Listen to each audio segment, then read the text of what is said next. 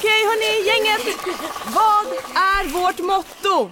Allt är inte som du tror. Nej, allt är inte alltid som du tror.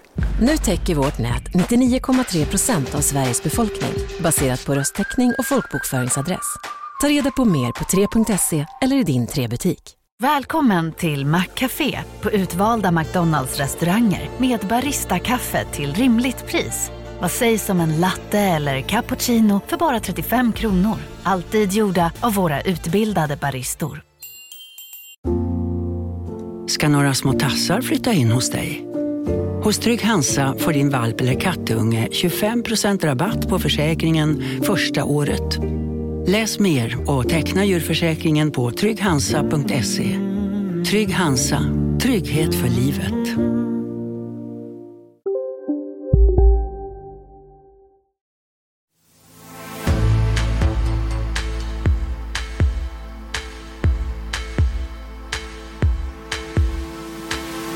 Efter den senaste tidens våldsvåg i Stockholmsområdet så besökte riksdagens justitieutskott och justitieminister Gunnar Strömmer idag Farsta i södra Stockholm.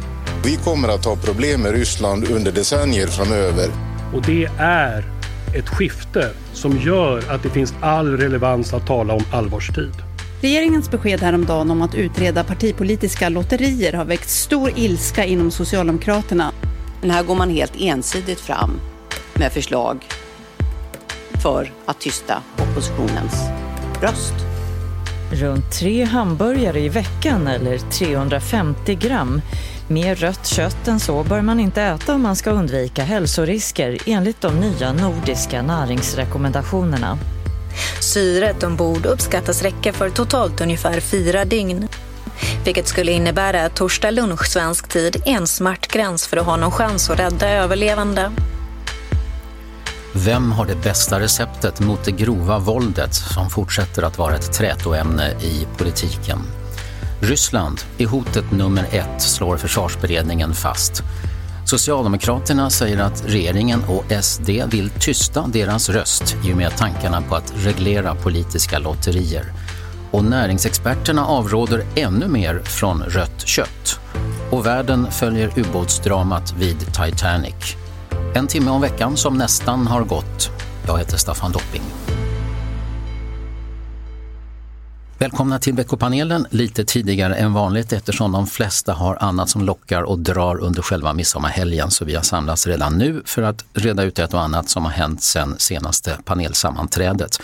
Med den här trion Inga-Britt Alenius, nestor inom svensk statsförvaltning, Myra Åbäck Örman, debattör, poddprofil och krönikör och Stefan Stern, senior rådgivare till Axelsson Jonsson ägda Nordstjärnan och till Wallenberg Foundations. Hej och välkomna! Tack så mycket! Hej! Tackar! Innan vi tar oss an huvudämnena så tar vi upp ett par lite kortare. Allra först, nya allmänna råd från Nordiska hälso och livsmedelsmyndigheter om vad vi lämpligen stoppar i oss. Minska konsumtionen av rött kött. Ja, så lyder en del av de nordiska näringsrekommendationerna som presenterades idag. För första gången handlar näringsrekommendationerna inte bara om hur hälsan påverkas av maten vi äter, utan man har även väckt in miljö och klimat. I tisdags kom de här nya nordiska rekommendationerna, berättade Ekot. Experterna sänker mängden rött kött som det är lämpligt att inta varje vecka. Istället är det klokt att sätta i sig mer av växtbaserad kost. Nu undrar jag, kommer panelisterna eh, i sina egna liv att låta sig påverkas av det här? Nej, alltså jag tycker det här är väl bara samma råd som man har gett länge, tycker jag. Alltså de, varit... de är uppdaterade? Ja, men ju, man har ju bara egentligen förstärkt det man har sagt tidigare om att vi äter lite för mycket rött kött för att det ska vara nyttigt och så vidare. Så att, eh, jag vet inte, har man inte liksom fattat vid det här laget att vi borde äta mindre rött kött så tror jag inte att det kommer att påverka en så mycket faktiskt. Stefan, omslag i inköpen? Nej, det kan jag nog inte om jag sitter här och rannsakar mig själv eh, tro att det leder till. Jag försöker äta väldigt mycket sallad och så. Men det är klart att det är ju ingen nyhet att, att man går över från animaliskt till växtbaserat så är det bra för, för hälsan och också för klimatet. Men det bygger ju ändå på rätt översiktlig data. Alltså fördjupar man och nyanserar lite grann så beror det ju väldigt mycket på exempelvis vart köttet är producerat om det är transporter inblandade så kan ju även rött kött vara, i alla fall vad gäller klimatavtryck, mer klimatsmart än, än grönsaker som, som har flugit över jordklotet och, och, och drivits upp på ett speciellt sätt. Så det, det är inte mm. särskilt, um, ja, man får ta det med, med som, som en riktlinje som inte är särskilt fördjupad. Den förra hade 500 gram rött kött i veckan, nu är det 350 gram, det har man sänkt det till. Inga-Britt, vad säger du om det? Ja, alltså jag är lite jättetrött på den här beskäftiga eh, vägledningen till vad vi ska äta eller inte äta. Om man, eh, vi vet att svenska köttdjur, de är jättebra. De ökar den biologiska mångfalden i, i Sverige när de betar, de håller öppna landskap och så vidare. Och det är väldigt god kvalitet och så vidare. det finns ingen anledning att det slutar äta svenskt eh, rött kött. Gör man en god gärning till det när man äter ja, rött kött? Inte? Om det är från alltså, Sverige? Man, jag, jag, äter, jag, äter, jag äter inte särskilt mycket kött men jag, äter, jag köper ju inte dansk eh, fläskfilé till exempel eftersom jag vet att eh, danskarna petar för mycket eh, mm, antibiotika. antibiotika i fodret till exempel. Men alltså äta svenskt kött, det är jättebra. I de här nya rekommendationerna då, NNR som alltså hela Norden och de baltiska länderna eh, har samarbetat om, så vägs det nu för första gången in inte bara det som är bra för hälsan utan det som är gynnsamt för planeten. Eh, är det bra? Det tycker jag inte. Ja, jag håller, håller, håller mig till det att eh, äter man svenskt kött från betande kor eller med tjurar så är det jättebra för vår miljö. Du låter som landsbygdsministern tycker jag, Peter Kullgren, för han har sagt att han tycker att eh, det här är inte bra om svensk animalieproduktion drabbas. Det ska handla om hälsa. Vad säger Myra om det här? Alltså, Tittar man globalt, om vi går utanför perspektivet på svensk, för svensk köttindustri är ju den, en av de bättre i världen, eh, skulle jag säga.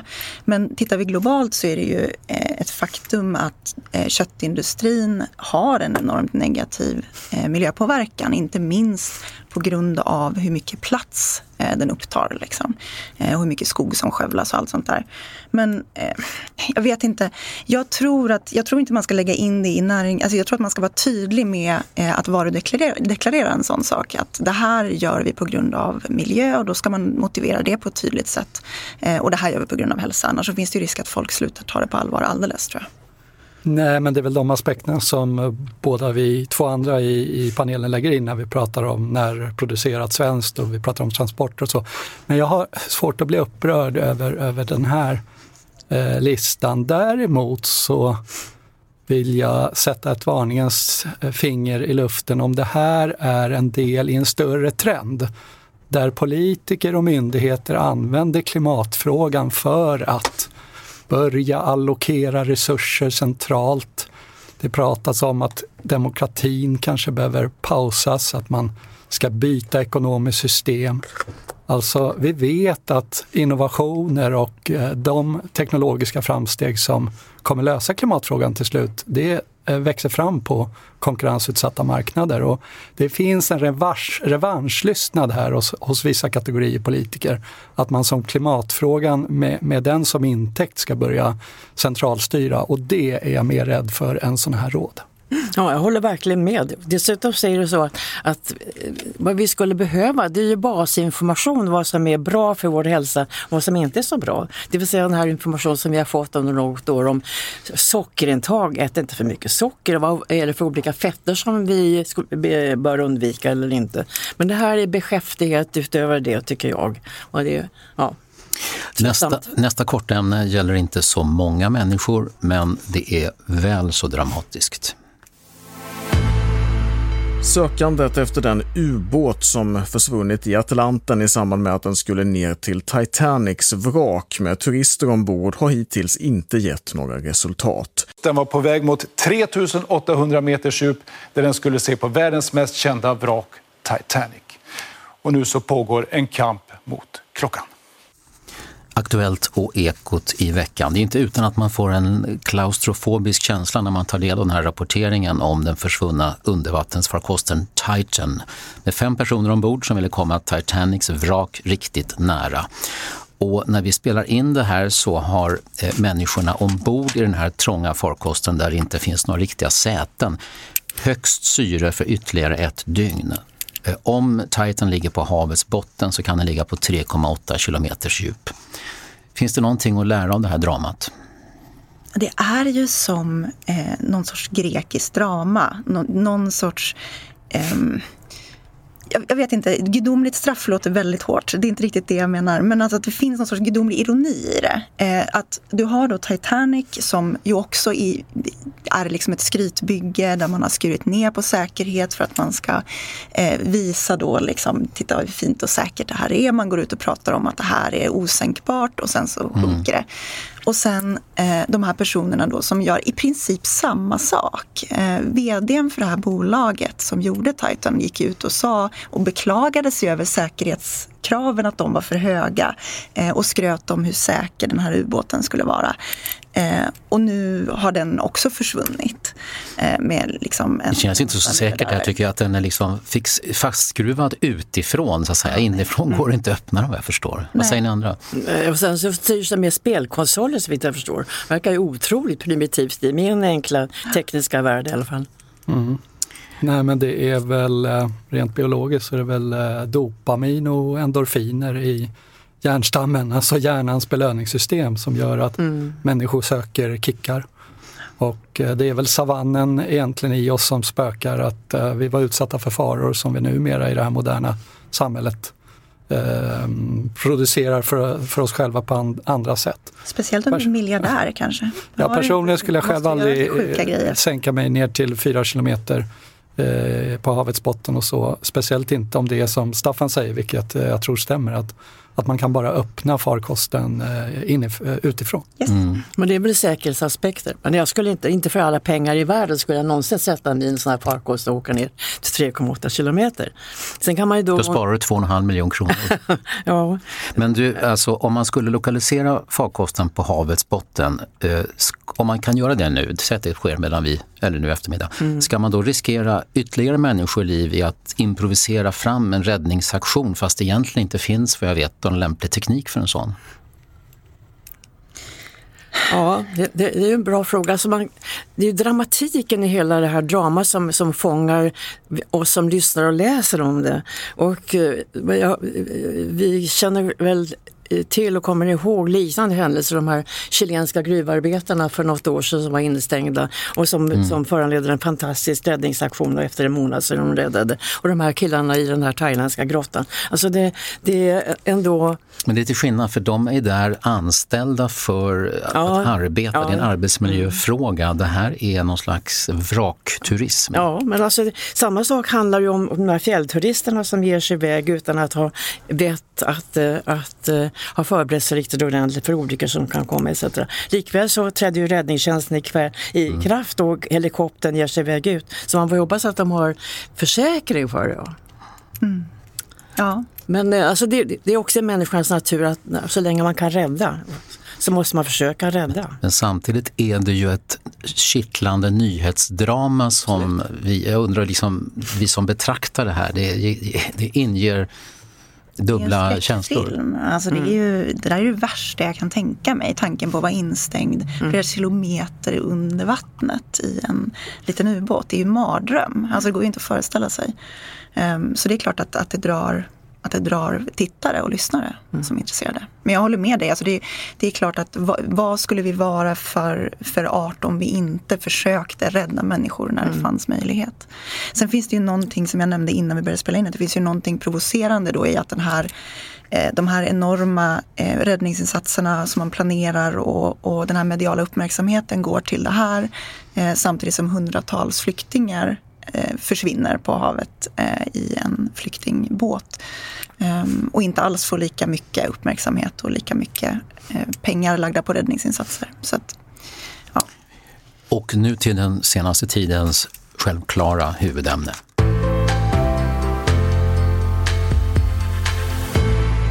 Efter den senaste tidens våldsvåg i Stockholmsområdet så besökte riksdagens justitieutskott och justitieminister Gunnar Strömmer idag Farsta i södra Stockholm. Vad vi har pratat om är väl egentligen vad har hänt och hur kan vi hitta sätt att samverka mellan olika delar av samhället för att vända utvecklingen. Det som händer just nu är att kommuner runt om i landet drar ner på skolan, på socialtjänsten. Så det justitieministern och regeringen skulle behöva göra, det har ju kommunerna begärt, det är besked om pengar. För annars kan vi höja straff efter straff men ändå sitta med betydligt större problem med gängkriminalitet om några år. I måndags åkte hela riksdagens justitieutskott de 11 kilometerna från Stockholm city till Farsta centrum för att på platsen för förra veckans blodiga våldsdåd diskutera läget och också möta företrädare för lokalsamhället. Och för att tala med journalister förstås. Justitieminister Gunnar Strömmer sa sig ha fått ännu en bekräftelse på att Sverige måste riva olika sekretess, eh, sekretesshinder och Socialdemokraternas Ardalan Shekarabi han vill ha ett perspektivskifte och mer pengar till kommunerna. Myra Åbäck Örman, har regeringen eller oppositionen rimliga svar på det eskalerande våldet?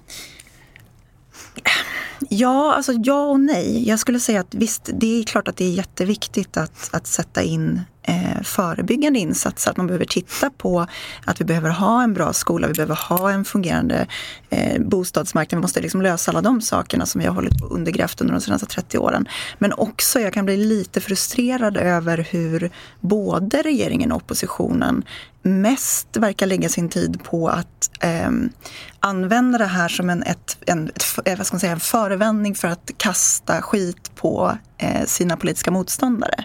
Där man har då eh, regeringsföreträdare pratar mycket om att ah, det här är Socialdemokraternas eh, si och så. Beroende på vilket parti de kommer ifrån så har de lite olika klagomål. Men eh, samtidigt så går Socialdemokraterna ut och, och använder det här som någon sorts slagträ mot regeringen. Att titta, det var inte så lätt som ni satt och sa under hela tiden. Eh, om man nu ser det här som en, en krisfråga, vilket man borde, tycker jag, eh, så borde det ju hanteras med samma allvar som man gjorde med till exempel covid-19, där man inser att det här kräver ett samarbete. Det kräver ett, ett eh, samarbete mellan alla riksdagspartier eh, och hitta liksom gemensamma lösningar istället för att det blir en eh, ytterligare liksom en kampfråga eh, där man ska bråka med varann. Mm, Stefan Stern, vad säger du? Vem har, är det någon som har svaret? Nej, det är klart att det löser inte det här gigantiska samhällsproblemet att justitieutskottet tar sig ut till Farsta. Men det var väl ett sätt att visa sympati och empati med de oskyldiga som, som, som har drabbats och också visa att man kan göra någonting tillsammans med tanke på det Myra tar upp. Justitieministern samlar utskottet och åker ut då. Men eh, hade resurser, Eh, statliga offentliga medel till vård, skola och omsorg varit lösningen ja då hade Sverige stuckit ut, inte genom rekord i skjutningar och sprängningar, utan då hade Sverige jämfört med andra länder haft eh, mindre brottslighet och färre dödligt, eh, dödligt våld. Så det är naturligtvis inte lösningen. Samtidigt som det som regeringen nu gör, en, en batteri av, av lägre straffrättsålder, Ehm, bort med eh, krångel mellan myndigheter i att dela info, information med varandra, eh, skärpta straff eh, etc. Det kommer ju också ta tid att, att vända det här. Men samtidigt är det så här, regeringen har vunnit valet, inte minst på grund av den här frågan. Så, att, så här gäller det att visa upp att, att det finns en vändning på gång inför nästa val.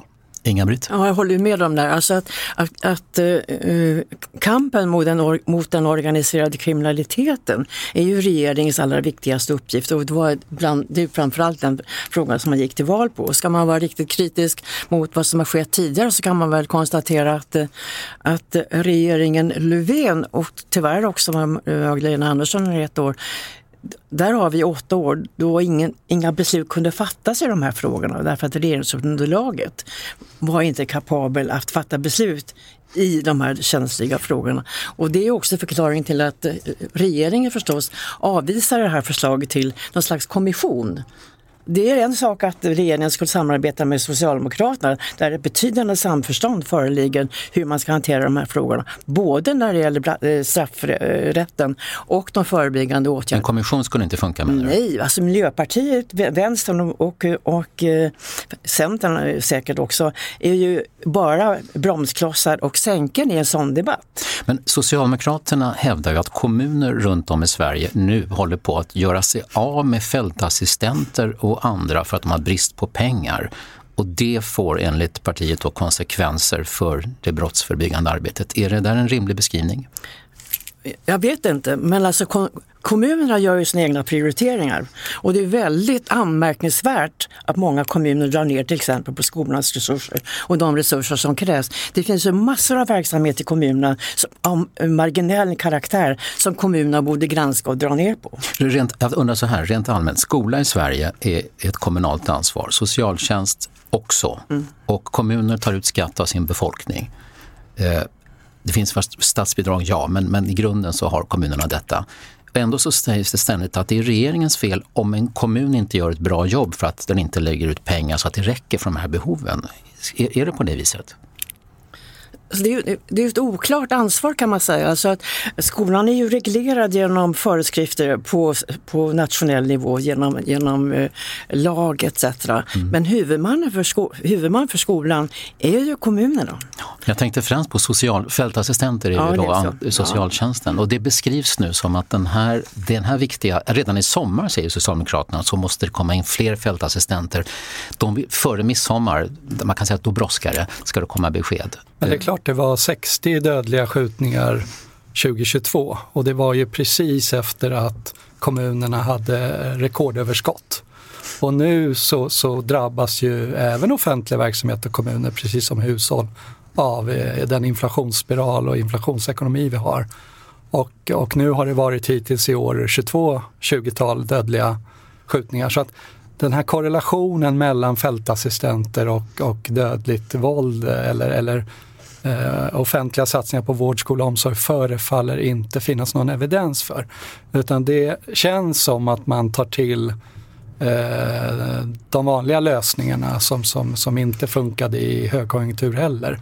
Utan här behöver man naturligtvis, eh, eftersom Sverige sticker ut och har haft en eh, en våldsspiral och en politik på det här området som inte fungerar. Man behöver lägga om kursen. Och jag tror att S snarare skulle vinna på att att försöka närma sig regeringen på det här området och, och eh, säga öppet och tydligt att våra lösningar fungerade inte. Nu är vi öppna för att lyssna på, på de nya lösningarna. Men om det skulle finnas dubbelt så många fältassistenter i Sverige, skulle Myra, skulle det kunna mildra den här utvecklingen och få den gå i rätt riktning? Jag tror att det man vill komma åt där, antar jag, är ju nyrekrytering till gäng till exempel. Att man vill eh, liksom stärka upp specifikt för de grupper av unga män företrädesvis eh, som, som dras in i, de, i gängen. Eh, och det finns väl någonting vettigt i det, men jag tänker att personligen så får jag väl mer intrycket av att det har att göra med eh, generell framtidstro. Liksom. Att om du känner att jag kommer aldrig att lyckas i det här samhället på laglig väg. Eh, det jag tjänar mycket bättre på att sälja knark. Liksom, då kommer, kommer folk att göra det i ganska stor utsträckning. Så att jag tror inte att det är fältassistenterna det sitter utan kanske mer bara att se till att man skapar en meningsfull eh, en meningsfull framtid för folk liksom, som, är, som är, är jämlik eh, gentemot hur det ser ut i andra områden som inte är lika belastade. Hur är det med tillgången på fältassistenter? Vad finns alla de här yrkesmänniskorna idag som skulle kunna anställas då eh, om det fanns löften om pengar till kommunerna? Ja, de finns kanske någonstans, men alltså, det, det handlar ju inte om att ösa in nya pengar i den här verksamheten, utan man måste ju ändra strukturen när det gäller social, socialtjänstlagen. måste vara, ha mer av, av av tvång låter illa, men alltså av, av krav på sina, sina Eh, de familjer som man har, som man har kontakter med. Alltså att familjer kan i dagsläget ju eh, säga nej till åtgärder som socialtjänsten anser motiverade och man måste antagligen ställa större krav på, kanske ha vissa tvångsmedel från socialtjänsten. Och sen måste man börja tidigare. Man måste ju börja i förskolan och kanske måste man börja med, med barna, från barnavårdscentralen. När jag födde barn, nu är det jättelänge sedan, flera decennier, då kom ju distriktssköterskan hem till mig och kollade hur Granskade din tillvaro? Ja, precis. Och det, det, det, det, tror jag är väldigt angeläget att göra och att man ser till att man redan i förskolan har, har de här barnen under kontroll, särskilt i de här utsatta områdena. Nu är det ju så problematiskt också att man inte Eh, kan skilja på eller vågar, vågar urskilja att det, att det är särskilda problem i särskilda områden. Men vi måste också erkänna att det är särskilda problem i särskilda områden. Men det handlar inte bara om resurser utan det handlar om att man måste ändra strukturen i lagstiftningen och ge socialtjänsten ett helt annat utbud av, av möjligheter. Det har ju framförallt pratats om eh, just eh, att, att förenkla samverkan mellan socialtjänst och skola och sådär. Vilket ju är ett sätt tror jag, att vilja komma åt just det där att resurserna blir bättre. Men de, de, de här sekretessreglerna som har funnits länge som uppenbarligen, om inte politikerna far med osanning, har saboterat eller försvårat riktigt bra brotts, brottsförebyggande arbete. Hur, hur har det gått till en gång i tiden i lagstiftningsarbetet när alla de här hindren har skapats eller beslutats? Någon som vet? Stefan, du som men Det är ju sekretess mellan socialtjänst och andra myndigheter. Ja, men det är, det, för det är klart att man, man, föreslagit... man allmänt kan uh, samverka som Myra är inne på, men här behövs det ju rivas de här sekretessbestämmelserna. Men, men det är politiker som en gång har sagt att det här är vår proposition, de här hindren ska finnas, det här ska polisen inte kunna göra, det här ska skolan inte få berätta. Det är mm. någon som har bestämt det. Det är som alltid på just det här området att det är en avvägning hela tiden mellan integritet och mm det som är effektivitet i polisens befogenhet. Och här har man då eh, förstorat upp i, i, en annan tid, i en gammal tid, integritetsaspekten. Men det kommer få ge vika på en rad områden för att vi ska kunna eh, komma till bukt med det här. Och är det någon som behöver resurser så är det ju snarare polis, rättsväsende, vi behöver bygga ut eh, anstalter, fängelser vi behöver sannolikt införa särskilda ungdomsfängelser. Så att resurser till eh, det offentliga, den offentliga sektorn i form av vård, skola och omsorg eh, förefaller inte ha hjälpt här. Jag menar, man får ha lite perspektiv. I Sverige är en av de få länder där vem du än är så har du en, en likvärdig chans att via utbildningssystemet eh, sköta dig, skaffa dig en utbildning och Eh, för, kunna förverkliga din egen potential. Och ändå är det just i Sverige, med den här offentlig eh, finansierade skolan till exempel, som, som våldet eskalerar. Så att eh, det där är, det är en gammal syn jag tycker S borde eh, erkänna. Hej, Synoptik här. Livet med glasögon ska vara bekymmersfritt. Därför får du 30% på alla glasögon när du väljer Synoptik All Inclusive. All service ingår alltid. Välkommen till Synoptik. Big Mac har miljarder fans över hela världen. Under mer än 50 år har den skapat popkulturell historia. En legend med 100% nötkött och den mytomspunna såsen. Nu finns Big Mac för bara 39 kronor på McDonalds. Hej, Susanne Axel här. När du gör som jag och listar dig på en av Krys vårdcentraler får du en fast läkarkontakt som kan din sjukdomshistoria. Du får träffa erfarna specialister, tillgång till lättakuten och så kan du chatta med vårdpersonalen. Så gör ditt viktigaste val idag, lista dig hos Kry. Om att det inte har räckt till. Mm. Men alltså, det, det beror ju också på hur vår strafflagstiftning är, är utformad. Eh, den strafflag som gäller idag den är ju från 1965 och den gjorde ju upp med de gamla föreställningarna om att, att brottslingen ska sona sitt brott, att brottsoffer ska få upprättelse och att rättvisa ska skapas. Alltså perspektivet var ju mot eh, förövaren mm. och perspektivet var att den ska rehabiliteras. Den ska, att eh, inriktningen ska vara att, att förövaren ska rehabiliteras, det vill säga att eh, det blir väldigt orättvist om, om, eh, därför att straffet kommer ju då att på något sätt personanpassas till, till förövaren. I det fallet så, så är vi ju eh, på väg till ett paradigmskifte som mm. jag tror är otroligt angeläget i, i, idag. Jag kan rekommendera artikeln Repressionens återkomst, apropå den här som du berättar om och synsättet på, på, på eh, brottslingen och brottsoffer som Kvartal publicerade i veckan av Louise Lennartsson. Polisen har också hållit pressträff i veckan. Polisen i Stockholm alltså, som ser en framgång just nu i ett nytt sätt att hantera våldsvågen. 440 personer sitter häktade nu i Stockholm. Så sent som i lördags avvärjde polisen ett mord, säger Erik Widstrand, biträdande regionpolischef i Stockholm. Eh, han berättade också på pressträffen att polisen ser 15-åringar som hämtas från fotbollsträningen för att åka och skjuta någon. Vi ser 14-åringar med automatkarbiner som de knappast kan bära. Det är en bekymmersam utveckling. Mm.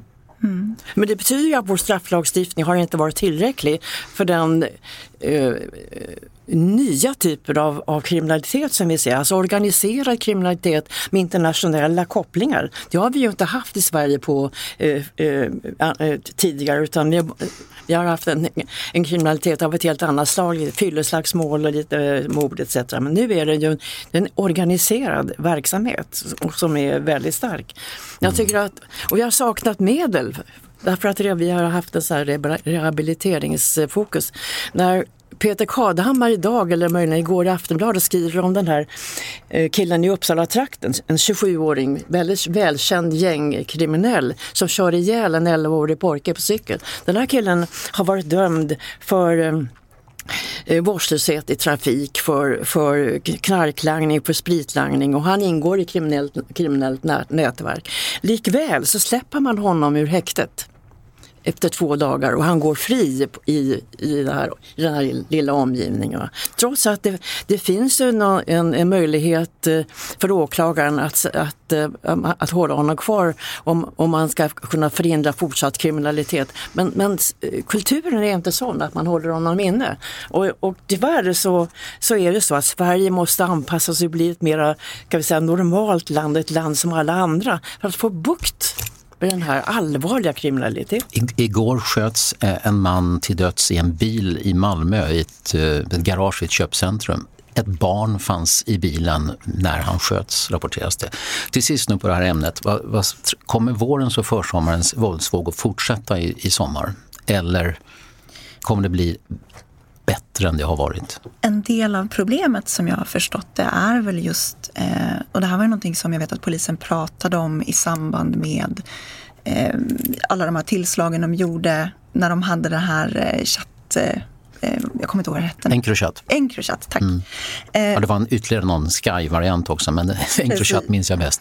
Eh, nej, men att en del av det här problemet är att när du faktiskt sätter dit ledande figurer i de här miljöerna så skapar det andra våldskonflikter därför att då måste man börja bråka om vem som ska ta, ta över, eh, vem som ska få makt över vad och sådär. Eh, och det var någonting jag vet att de sa då att när vi lyckas sätta dit folk så kommer det leda till mer dödligt våld därför att det skapar någon sorts maktvakuum som skapar den här typen mm. av mm. eh, utspel. Och tyvärr så är det också så att när du då får den här typen av våld så blir det ju hämndvåld. Så det blir någon sorts snöboll också av, av våldshandlingar. Där man måste hämnas på den som har begått ett brott mot någon eh, i ens närhet och sådär. Så att, tragiskt nog så är det väl också så att alla, alla lyckade grejer som polisen gör kommer förmodligen att leda till fler av den här typen av skjutningar till exempel. Um, för att eskalera våldet.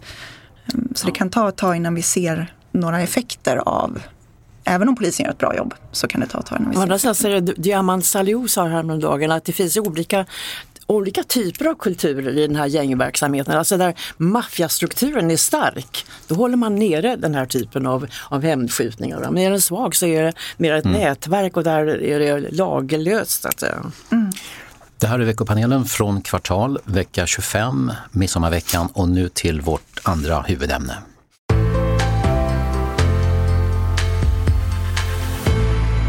Det är allvarstid. Det pågår ett krig i Europa. Vi har att hantera ett nationalistiskt, imperialistiskt och rustat Ryssland. Vi kommer att ha problem med Ryssland under decennier framöver. Vi kommer att leva i ett spänningsläge i förhållande till Ryssland. Vi måste inse realiteterna. Den eh, regelbaserade världsordningen som etablerades efter andra världskriget och kalla krigets slut utmanas nu av auktoritära stormakter som eftersträvar en ordning baserad på den starkes rätt. Försvarsberedningens ordförande, moderaten Hans Wallmark och Socialdemokraternas Peter Hultqvist, Sveriges tidigare försvarsminister. Hur tar panelen emot de här budskapen? Stefan Stern. Nej, men det är bra med tydlighet i en eh, farlig tid som skulle kunna bli eh, ännu mer extrem. Ehm, beredningen är tydlig på det sättet att det går faktiskt inte för eh, svenska medborgare att utesluta eh, också att eh, kriget eskalerar och taktiska kärnvapen mot Norden, Sverige Eh, och att Ryssland kommer vara ett hot mot eh, inte minst Sverige då, den fria, fria världen, västvärlden under överskådlig tid. Så, så det är bra, det är bra att det är enighet. Det är egentligen bara återigen Miljöpartiet och Vänsterpartiet som mäler ut sig i vissa frågor.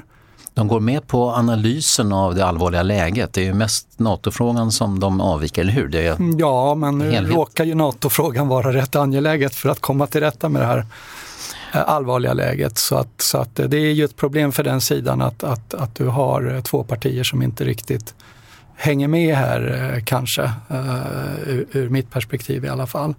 Men sen är det ju så här att det här tillhör ju kärnstatens viktigaste uppgifter, den yttre säkerheten. Och här är vi uppe i, i, i 1,4, kanske snart 1,5 procent av BNP som vi satsar på försvaret och vi kommer behöva successivt ta oss långt över de här 2 procenten som är NATOs riktlinje då. Så att det gäller att städa i statens kassa. Och eh, som Inga-Britt var inne på, en kommun måste städa i kassan och, och, satsa på skolan till exempel. Det måste även staten göra framöver. Man måste satsa på kärnan av, av uppgifter för att, för att det här ska kunna fungera. Ett annat budskap i beredningens rapport är Ryssland utvecklas i neostalinistisk anda. Eh, och en annan slutsats i rapporten är att tidigare försvarsberedningar har missbedömt Ryssland. Ehm, håller, håller du med om det, Myra? Jag har faktiskt ingen aning, ska jag vara helt ärlig och säga. Eh, men alltså jag, jag, vet inte, jag, jag tittade lite grann på den här. Jag har liksom inte satt mig in i, i detaljerna av den för jag har inte tillräckligt bra koll på försvarspolitik för att ha en, en jättestark åsikt om det. Det har inte varit prioriterat i det svenska kynnet under, nej, under decennier. Och, och jag tänker att, att, eh, nu tar man ju till väldigt allvarliga, sådär, eh, väldigt allvarliga ord om det här, den här utvecklingen och då känner väl jag också lite grann att de, det man planerar nu låter ju som att det är i minsta laget. Om det är så illa som man framställer i den här rapporten. Mm. Vilket kanske är lite vad du sa, var inne på också, att vi kommer behöva lägga betydligt mer resurser på det. Inga-Britt? Ja, det är intressant. Sverige har ju haft så många hemligheter och jag tycker att äntligen så kommer Sverige ut och nu blir det ett normalt land i Västeuropa. Eh, särskilt socialdemokratin har varit fast i föreställningen att man kan inte delge eh, folket, medborgarna, vad det är som försiggår. I själva verket så har ju regeringen Erlander sedan 50-talet haft ett avtal med USA eh, om ett kärnvapenparaply som ett eh, villkor för att vi själva skulle släppa vår utveckling av ett kärnvapen. Men det undanhöll man och när det kom ut någon gång för 10-15 år sedan så blev det ett förskräckligt liv av vad vi har hållit på med. Men i själva verket så har ju Sverige av patriotiska skäl kan man väl säga då eh, haft de här förbindelserna. Men man har å andra sidan sagt att vi är så neutrala, så neutrala, så neutrala. Men äntligen så blir vi ett vanligt land och erkänner att för vår försvarsförmåga så, så är vi öppna med att vi måste också vara med i NATO. Det framgår också av försvarsberedningens senaste rapport att svenska värnpliktiga ska kunna sättas in för att försvara andra NATO-länder och det är sex som nämns särskilt då. Finland, Danmark, Norge, Estland, Lettland och Litauen. Det är klarspråk. Mm. Mm. Ja, det, är, det är klart, självklart. Det bygger på, ja, det är självklart. Det bygger på en ömsesidighet. Om vi vill eh, mentalt och kulturellt och politiskt tillhöra den fria världen tydligare och ha den fria världens skydd, då, då ska vi också ingå och vara beredda att försvara eh, andra länder. Så att, jag håller med om det, det är verkligen självklart. Mm. Och det är mindre än tre veckor till det här toppmötet, NATOs toppmöte i Vilnius där så många NATO-förespråkare hade hoppats att Sverige skulle komma med då. Eh, men det, ser, ja, det finns fortfarande optimister i och för sig och som tror sig veta, det tar vi om förra veckan, att eh, Turkiets parlament tar inte det vanliga juliledigheten här som skulle kunna fatta det där beslutet. Eh, men det som Hans Wallmark betonade, här, han menade, och det var nog inte bara Ryssland, jag tror att han talade om, om eh, Kina och Iran också, det här med att auktoritära stater vill att den starkes rätt ska gälla och komma bort från det som har kallats för en regelbaserad världsordning.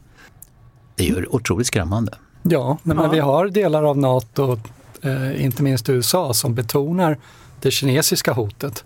Just nu så, så, säger ju även USA att nu med kriget i Ukraina så är det ju naturligtvis Ryssland som omedelbart på kort sikt är det största hotet. Sen har du övriga NATO-medlemmar i, i, Europa som, som hela tiden har betonat eh, Ryssland.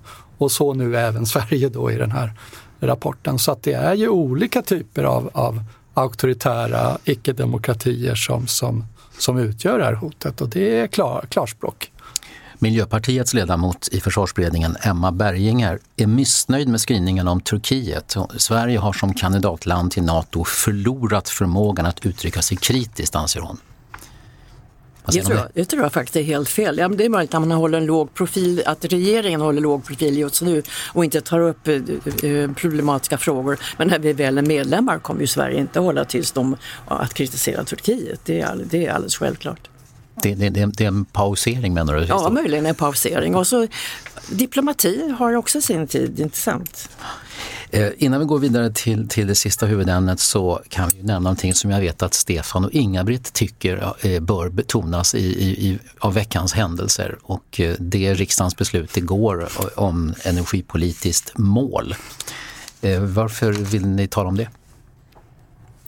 Ja, jag, jag, tycker att det är ju en, en otroligt central fråga för, för svenskt välstånd och fortsatt utveckling. Och där har näringslivet eh, eh, genom ett uttalande häromdagen också sagt att man beklagar socialdemokratin i omröstningen nu inte gav ett tydligt stöd till kärnkraftsutveckling för att därmed också ge grund för en investeringsoptimism i Sverige. Mm. Man... Och jag tycker, att, jag tror att det är otroligt sorgligt att inte Socialdemokraterna eh, röstat till den här eh, ändringen av, av vokabulären, att man talar om...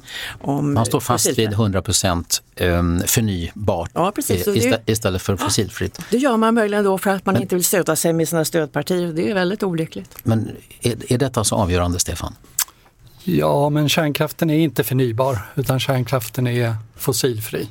Men Socialdemokraterna eftersom... säger ju att de inte är emot kärnkraft. Nej, gång på gång sägs nej, det nu. Ja, men, men nu fanns det en möjlighet att, att, att, visa ett stöd och då, då valde man att inte göra det. Och det är klart att de får en chans till som jag ser det att ta ansvar och det är när regeringen kommer i en eh, proposition eh, lägga fram ett förslag om att man ska få bygga reaktorer på fler platser än de tre platserna som nuvarande reaktorerna står på. Det står alltså eh, en begränsning i lagen till de tre platserna och, att det ska kunna vara fler än lagens tio reaktorer. Eh, och det öppnar upp då för, för, för de här nya teknikerna som, som, som Sverige hittills inte har haft. Då, då kan eh, S ta ansvar och visa att det finns en bred enighet.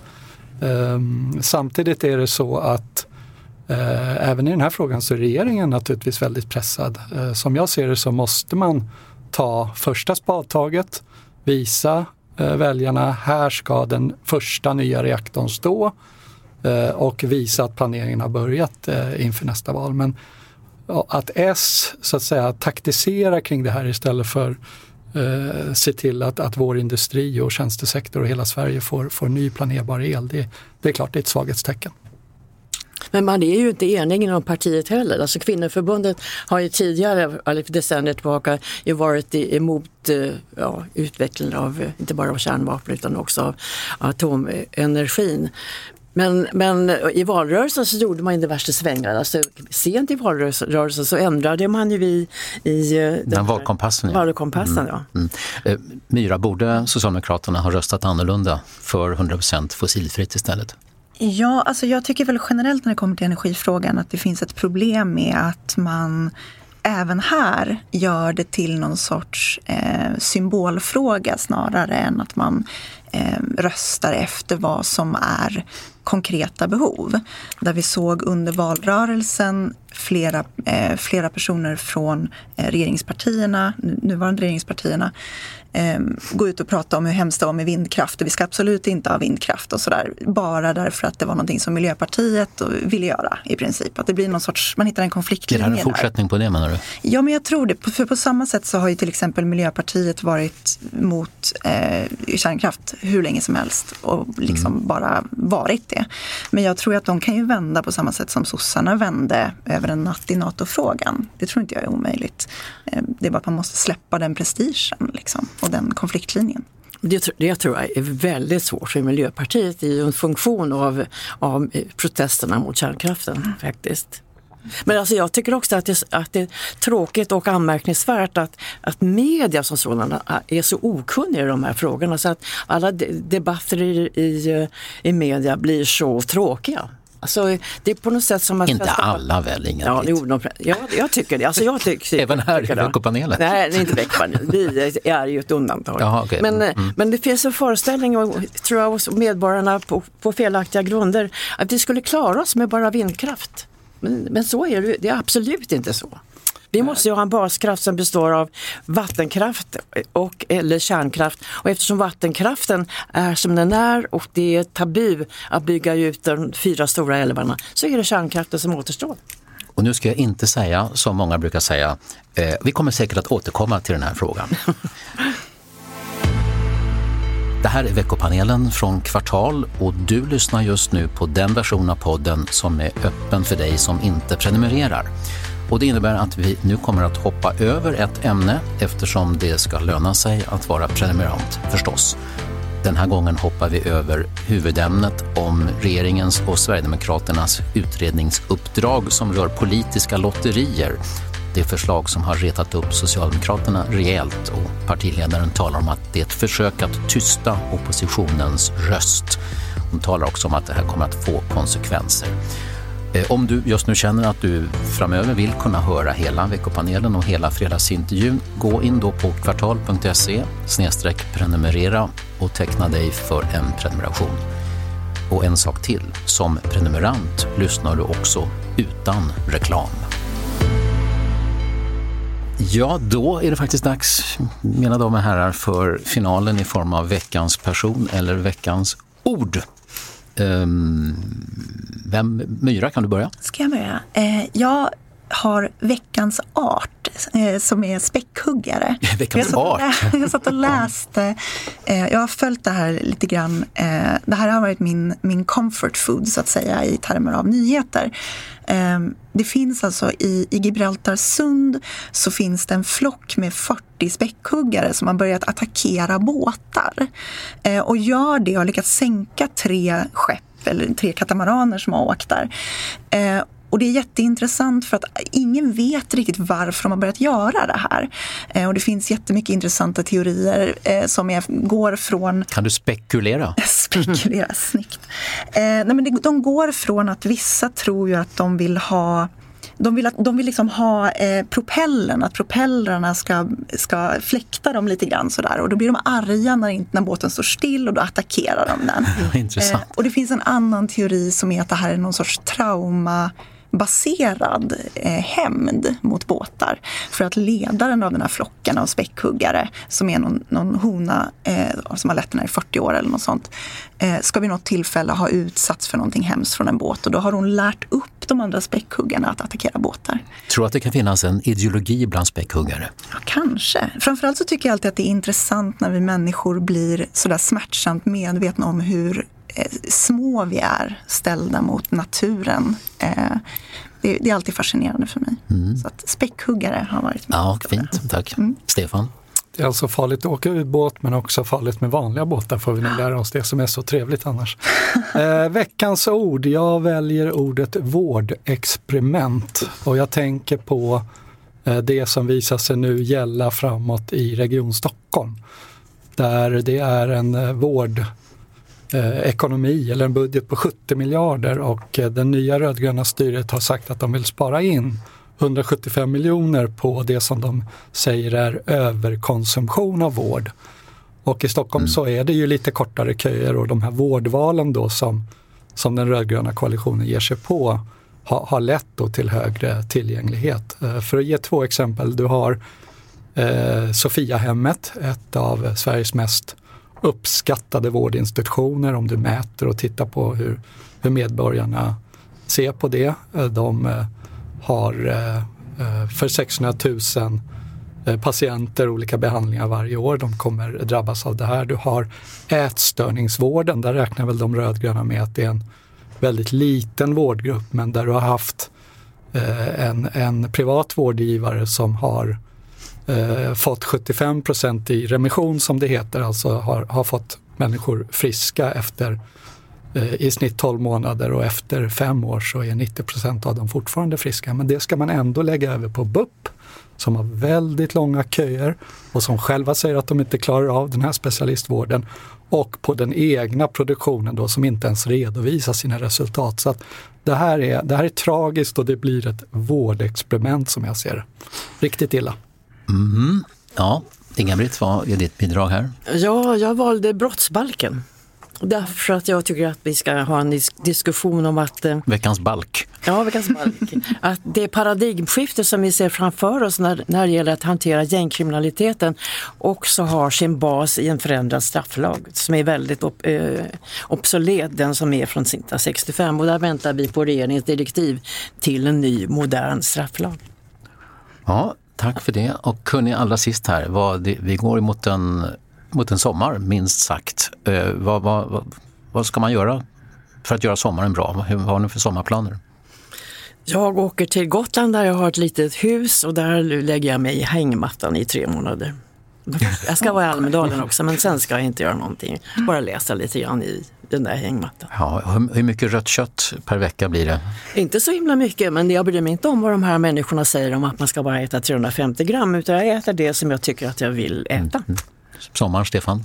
Ja, det ser ut att bli en bra svensk sommar så att jag tror vi kommer hålla oss till Stockholms skärgård och eh, västkusten mestadels. Men vi kommer att hinna med eh, lite grann av Spanien också där vi bor stela, eh, stora delar av året, inte bara på sommaren men, men mest Sverige.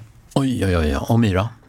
Jag kommer nog göra ungefär samma sak som jag gör alla somrar. Vilket är klaga på värmen eh, och, och tvinga mig själv att gå utomhus lite då och då. Mm. Det, det är norrlänningen i mig som inte gillar den här värmen tror jag. Det finns en norrlänning i dig? Ja, ja jag har bott större delen av mitt liv eh, i Härnösand. Ah. Mm.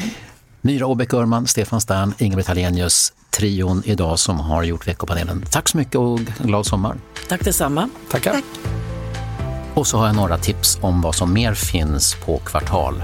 Vi har en återblick på svensk kriminalpolitik och svängningarna mellan straff och behandling som har skett under de senaste hundra åren. Nu gäller som alla vet inlåsning och hårdare tag. En genomgång av Kvartals Louise Lennartsson, Repressionens återkomst. Och Stefan Holgersson, polisforskare, har vi intervjuat. Han menar att polisens arbete mot grov kriminalitet kan organiseras bättre. Innehållet måste bli viktigare än fasaden. Fredagsintervjun det är med Shiptar Oseku med lång erfarenhet av arbete inom socialtjänsten. Han intervjuas av Jörgen Wittfeldt. Och eh, han säger bland annat så här, vem vet var vi hade stått utan allt förebyggande som vi redan har gjort? Om socialtjänsten och dess förmåga att förebygga bland annat det eskalerande gängvåldet. Opinionen just nu, både artikel och podd, lag och ordning är i fokus i samhällsdebatten och man kan skönja faktiskt ett litet lyft nu, litet lyft för Centerns Muharrem Demirok.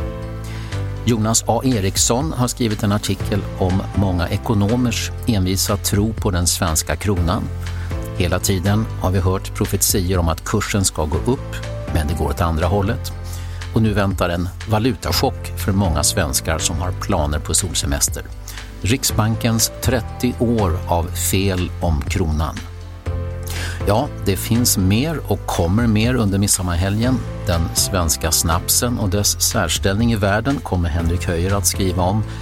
Och det kommer också en ny krönika av Anna Axfors på söndag om hur en sommarledighet med fördel kan användas och avnjutas. Själv tycker jag att det bland det viktigaste är att undvika stress så här års. Att luta sig tillbaka, både bildligt och bokstavligt. Jag önskar en glad midsommar. Och tänk själv.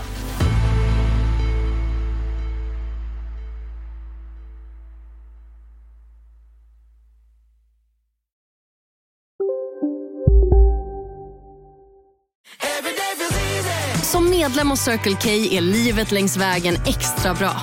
Just nu får du som ansluter dig 50 öre rabatt per liter på de tre första tankningarna och halva priset på en valfri biltvätt. Och ju mer du tankar, desto bättre rabatter får du. Välkommen till Circle K.